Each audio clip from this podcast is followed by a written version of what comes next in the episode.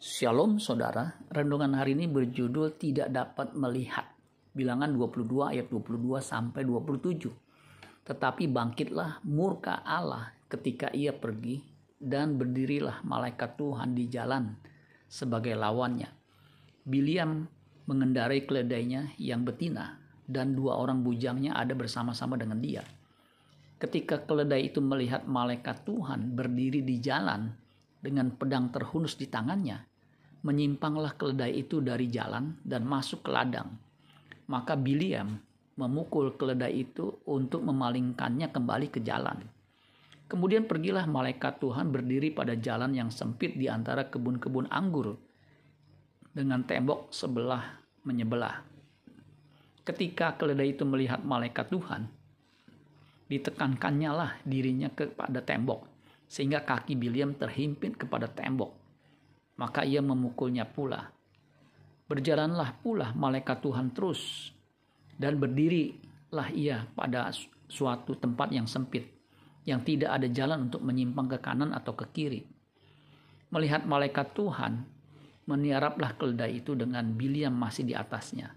Maka bangkitlah amarah Biliam, lalu dipukulnya lah keledai itu dengan tongkat. Biliam tidak bisa melihat melihat malaikat Tuhan yang berdiri di depannya dengan pedang terhunus. Sedangkan keledainya dapat melihat dengan jelas. Biliam sudah dibutakan oleh materi dan harta sehingga mata hatinya gelap. Ia tidak bisa melihat kebenaran apalagi merasakan kehadiran Allah melalui malaikat Tuhan orang yang terikat dengan kekayaan tidak bisa dipercayakan kepadanya harta yang sesungguhnya. Lukas 16 ayat 11 sampai 12. Jadi, jikalau kamu tidak setia dalam hal mamon yang tidak jujur, siapakah yang akan mempercayakan kepadamu harta yang sesungguhnya?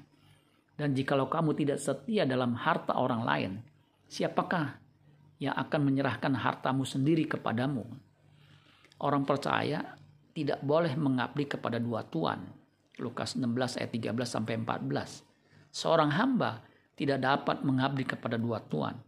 Karena jika demikian ia akan membenci yang seorang dan mengasihi yang lain. Atau ia akan setia kepada yang seorang dan tidak mengindahkan yang lain. Kamu tidak dapat mengabdi kepada Allah dan kepada Mamon. Semuanya itu didengar oleh orang-orang Farisi dan orang-orang Farisi hamba-hamba uang itu dan mereka mencemoohkan dia. Orang yang masih terikat dengan harta akan mencemooh kebenaran dan sang kebenaran sejati. Amin buat firman Tuhan. Tuhan Yesus memberkati. Sola Gracia.